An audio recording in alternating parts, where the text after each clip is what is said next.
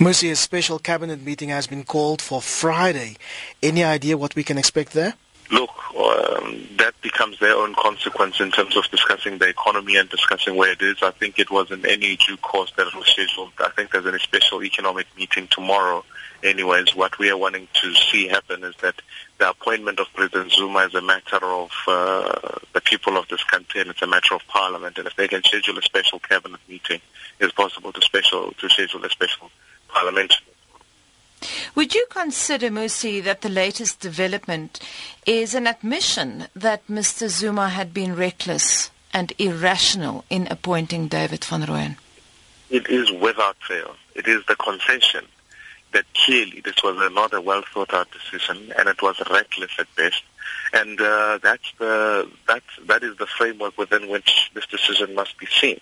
And um, these are the actions of President Zuma, who shows the fact that uh, he, he, he, is indeed taking decisions that uh, have no have no economic or substantive benefit for South Africans. They've only got one benefit for him, with the Gupta family or President Jacob Zuma himself.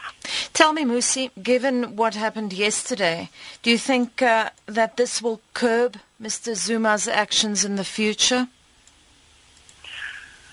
Well, the issue here is whether or not, uh, having read even today's report that Cabinet has given the green light to the nuclear deal, it's whether or not President Zuma can be able to get the Airbus deal on the table, which will simply cripple our fiscus. That's the issue here is, is, is almost um, what actions does Cabinet collectively take in making sure that there's fiscal uh, discipline?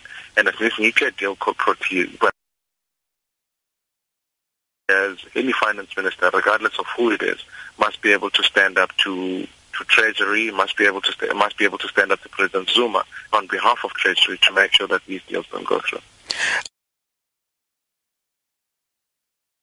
We've seen an increase in um, in state expenditure in terms of salaries.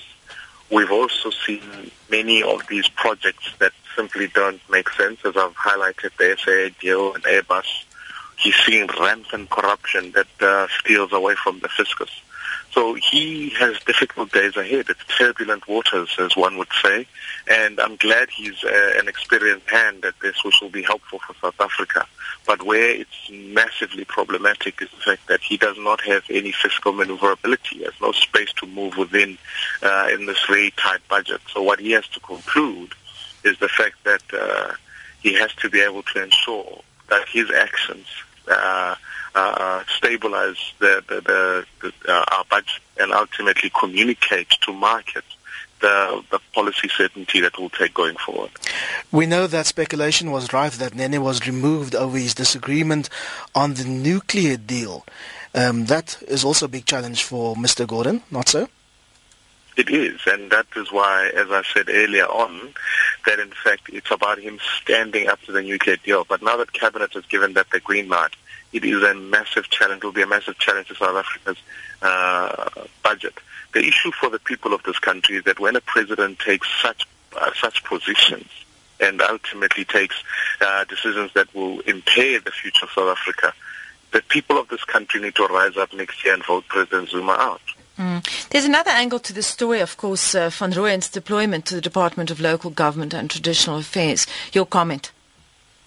That is just simply a, a you know, a, a, a, a an inconvenient um, reality that, the president had made an error. Now he needed to create a position for Mr. Van Rooyen. The problem for Mr. Van Rooyen is that he has no proven track record.